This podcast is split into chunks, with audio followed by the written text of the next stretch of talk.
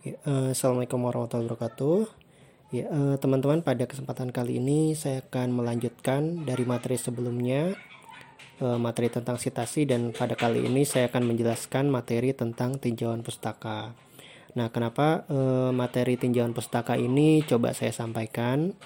Jadi, uh, sepengalaman saya, jadi dulu itu kalau misalkan dilihat sebenarnya secara umum ya 50% dari kegiatan penelitian itu yang pernah saya alami ya itu adalah membaca. Makanya di sini uh, karena tadi ya hampir 50% kegiatan penelitian itu adalah membaca, maka di sini materi tentang tinjauan pustaka itu uh, saya rasa perlu untuk disampaikan supaya nanti teman-teman bisa melakukan uh, tinjauan pustaka dengan baik, mencari bahan-bahan yang sesuai dengan uh, topik penelitian teman-teman. Nah, uh, sebenarnya tinjauan pustaka itu ya cara ya cara ya cara yang dilakukan oleh uh, seorang peneliti untuk uh, mencari menemukan gitu kan artikel-artikel ilmiah atau bu ataupun buku ataupun sumber-sumber referensi ilmiah lainnya yang relevan dengan topik yang diangkat di uh, penelitian teman-teman.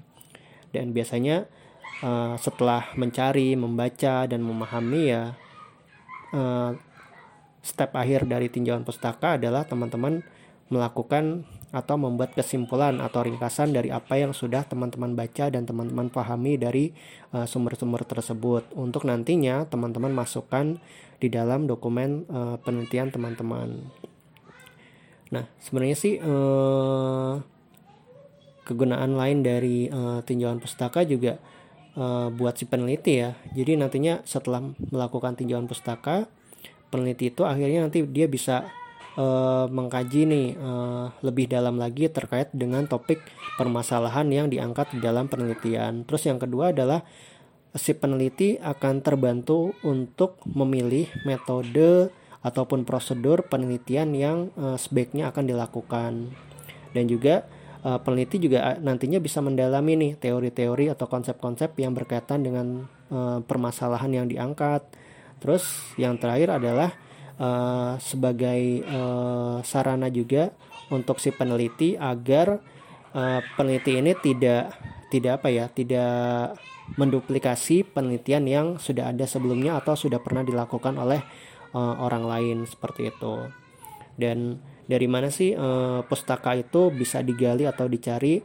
Ya sebenarnya di pertemuan di penjelasan sebelumnya tentang teknik citasi juga uh, sudah sempat saya sebutkan juga ya. Jadi sumber-sumber pustaka itu ya teman-teman bisa mencarinya dari uh, dokumen hasil penelitian yang pernah dilakukan oleh orang lain atau oleh mahasiswa lain misalkan dari skripsi atau tesis gitu kan atau teman-teman juga bisa mencarinya dari jurnal ilmiah atau dari buku referensi atau bahkan dari artikel-artikel ilmiah ataupun publikasi ilmiah yang ada di internet. Nah, eh, cara gimana sih caranya eh, ketika teman-teman akan melakukan eh, tinjauan pustaka gitu ya kan tadi sudah dijelaskan tentang definisi, tentang manfaat atau kegunaan. Nah, sekarang tentang caranya nih. Nah, ketika teman-teman akan melakukan tinjauan pustaka Eh, cara yang pertama yang harus teman-teman uh, bisa lakukan adalah teman-teman uh, lihat gitu kan apa sih yang menjadi permasalahan atau topik permasalahan yang teman-teman angkat di dalam uh, penelitian teman-teman gitu kan misal contoh saya dulu itu uh, permasalahan yang diangkat itu adalah tentang bagaimana aplikasi mentor dapat mendukung proses knowledge sharing di dalam kegiatan mentoring di STT Nul Fikri nah dari situ uh, dari permasalahan tersebut akhirnya saya bisa tahu nih uh, saya butuh mencari teori atau konsep-konsep tentang mentoring, tentang knowledge sharing gitu kan, dan juga tentang framework YI 2 gitu. Kenapa? Karena di situ karena saya ngebahas tentang itu tadi ya pengembangan aplikasi web, terus kegiatan mentoring, maka saya butuh dong uh, apa namanya tahu lebih dalam lagi tentang konsep ataupun teori-teori yang berkaitan dengan tadi ya tentang mentoring, tentang knowledge sharing, tentang framework II2 karena memang digunakan dalam uh, pengembangan aplikasi tugas akhir saya.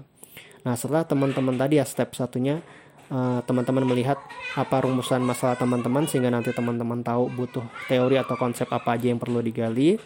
Nah, yang langkah selanjutnya adalah yang kedua, teman-teman mencari ya, mencari, membaca sumber referensi ataupun bahan-bahan lain sehingga nanti teman-teman bisa mendapatkan uh, teori ataupun konsep bisa dari jurnal ilmiah atau buku gitu kan ataupun dari artikel internet gitu kan nah setelah tadi teman-teman membaca nah teman-teman tuliskan tuh hasil dari uh, tinjauan pustaka tadi gitu kan. Apa yang sudah teman-teman dapat setelah membaca dari sumber referensi tersebut gitu kan.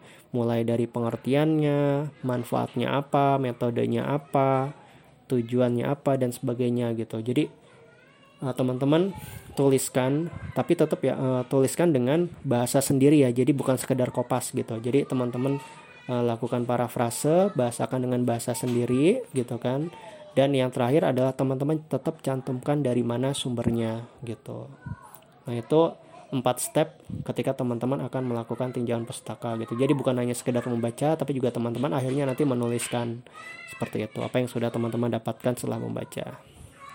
Oke, mungkin itu sedikit gambaran tentang uh, tinjauan pustaka. Nah, nanti mungkin untuk uh, diskusinya kita bisa di sesi kelas ya. Sekian uh, dari saya, kurang lebihnya mohon maaf. Assalamualaikum warahmatullahi wabarakatuh.